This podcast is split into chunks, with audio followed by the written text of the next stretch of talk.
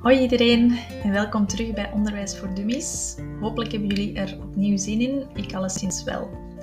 Vandaag wil ik graag mijn ervaringen met jullie delen als startende leerkracht. Ondertussen is dat al wel zes jaar geleden, maar toch lijkt mijn eerste jaar als leerkracht alsof het gisteren was.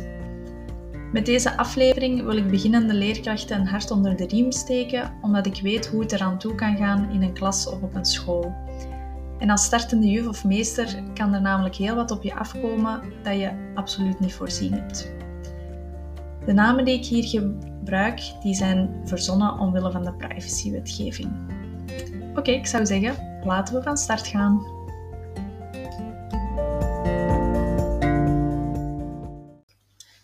Oké, het begon allemaal zes jaar geleden. Ik was net afgestudeerd, ik had mijn diploma op zak en ik kon op zoek gaan naar werk. In de eerste aflevering heb ik ook verteld hoe ik uiteindelijk mijn eerste job als leerkracht had gevonden. Dus als je die nog niet hebt beluisterd, raad ik je aan om dat eerst te doen voor je naar deze aflevering luistert. Zo ben je ook helemaal up-to-date. Ik werd aangenomen in een school vlakbij waar ik woonde. Het was voor een voltijdse betrekking in een derde leerjaar. Het schooljaar was al enkele weken gestart, dus de betreffende klas had op dat moment al wel een leerkracht. Tijdens mijn sollicitatiegesprek was er over de klas niet specifiek verteld. Ehm, hoe het er werkelijk aan toe ging, ondervond ik pas toen ik zelf de eerste dag voor de klas stond. De leerkracht die op dat moment klasleerkracht was van het uh, derde leerjaar, die had besloten om uit het basisonderwijs te stappen en om iets anders te gaan doen. Het derde leerjaar dat ze toen had en ik dus ging overnemen, had ermee toe bijgedragen dat ze wou stoppen. Dat was voor mij al een eerste signaal, waardoor ik merkte dat er toch wel iets aan de hand was. We hebben dan nog een week kunnen overleggen en zo kreeg ik ook de tijd om alle lessen te kunnen voorbereiden. Een weekje later was het zover. Ik zou mijn allereerste echte dag beginnen voor de klas. Het was een woensdag en ik was er klaar voor. Ik had me voorgenomen om eerst een klein spelletje te spelen, zodat ik de kinderen al wat kon leren kennen.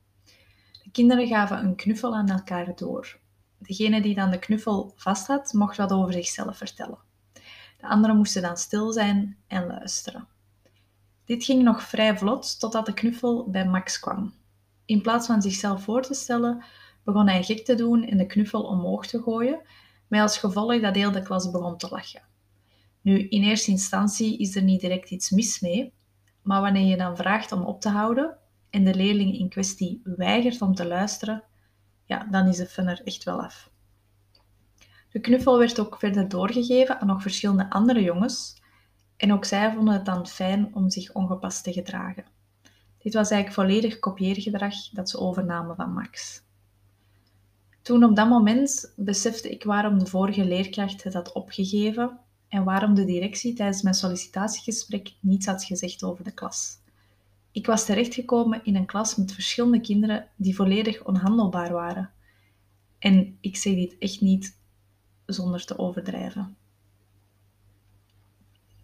Ik heb die dag, toen ik de deur van de klas op slot draaide, gehuild als een kind. Ik kon mijn tranen niet stoppen. Mijn directie had dit natuurlijk gezien, aangezien ze kwam vragen hoe mijn eerste dag was verlopen. Ze is dan op dat moment een gesprek met mij aangegaan en ik voelde me toen wel gehoord en gesteund. Ik had me de eerste dag wel anders voorgesteld. Gelukkig had ik de steun van de directie en ook van de zorgcoördinator. En dat is wel iets dat je nodig hebt, want als dat er niet is, ja, dan ben je eigenlijk op voorhand al verloren. Zo gingen er weken voorbij en stiltjes aan begon ik mijn weg wel te vinden in de klas en op school. Ik had ook toffe collega's die me hielpen waar nodig.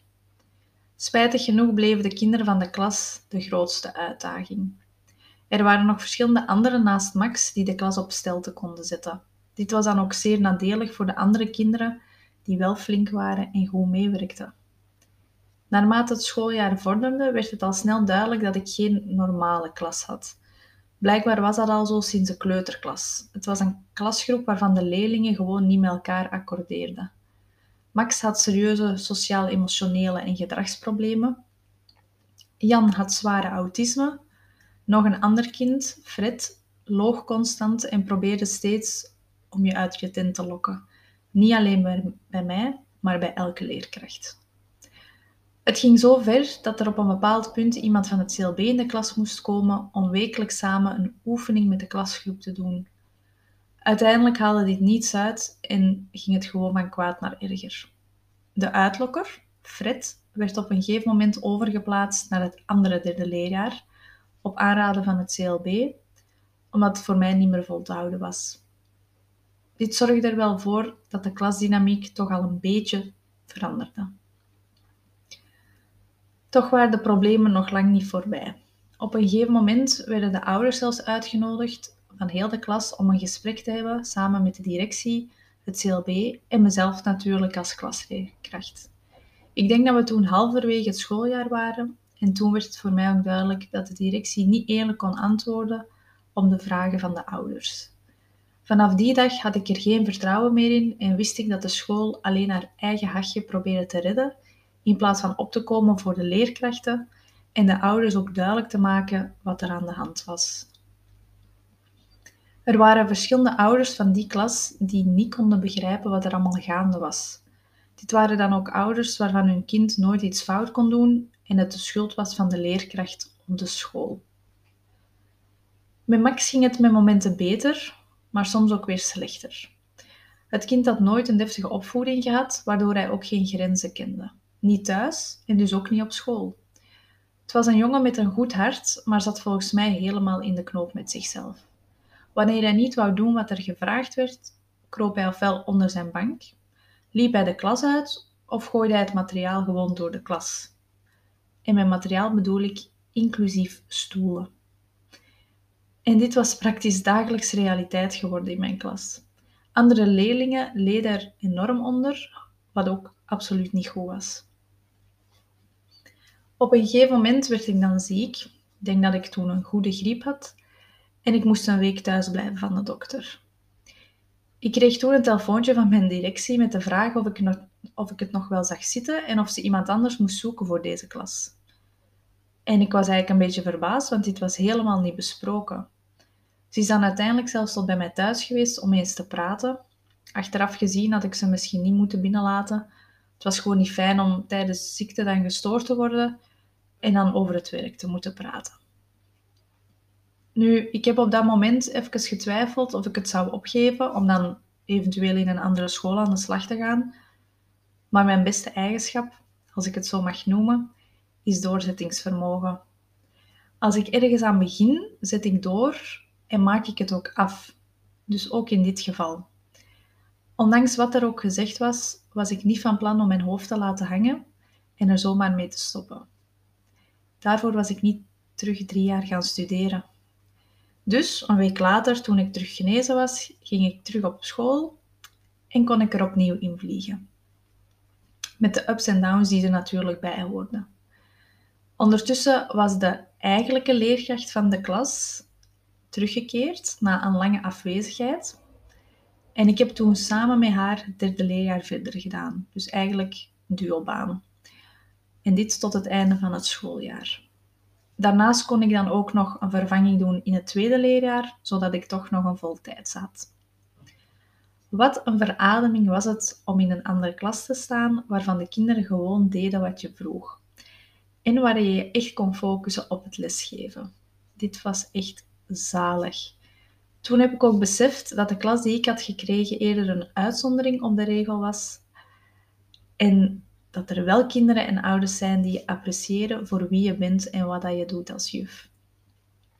Als ik er nu op terugkijk, was mijn eerste jaar voor de klas het meest zware jaar dat ik al heb gehad in mijn onderwijscarrière. Veel collega's hebben me toen ook aangesproken om te zeggen dat ze het wel knap vonden dat ik het zo volhield en dat zij het al lang hadden opgegeven, moesten ze in mijn plaats zijn. Dat doet wel wat met je als je dat hoort. Als ik er nu zo op terugkijk, zie ik het een beetje als een vuurdoop. En ik weet, dat, ik weet nu ook dat als ik dat aankom, dat er niet veel klassen zullen zijn waar ik het niet zou kunnen. Ik spreek hier natuurlijk wel over het normale, gewone onderwijs. Dat jaar heeft ook veel van me gevraagd, zowel fysiek als emotioneel. Het was ook niet gemakkelijk voor mijn man om me huilend te zien thuiskomen. En dat terwijl ik nog maar net aan de slag was. Maar ik weet wel één ding, het heeft me echt wel sterker gemaakt als leerkracht. En het was een enorme leerrijke ervaring die ik niet snel of misschien zelfs nooit zal vergeten. Oké, lieve mensen, we zijn aan het einde gekomen van deze aflevering. Hopelijk heb ik toch enkele van jullie wat moed kunnen inspreken om toch te blijven doorzetten, ook al is het soms zwaar.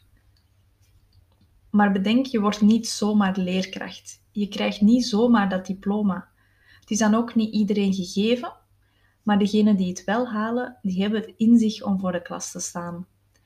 En als lesgeven hetgene is wat je graag doet, dan moet je er gewoon voor gaan. Bedankt voor het luisteren en we zien elkaar de volgende keer weer.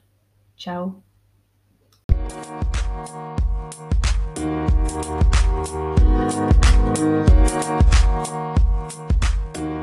you.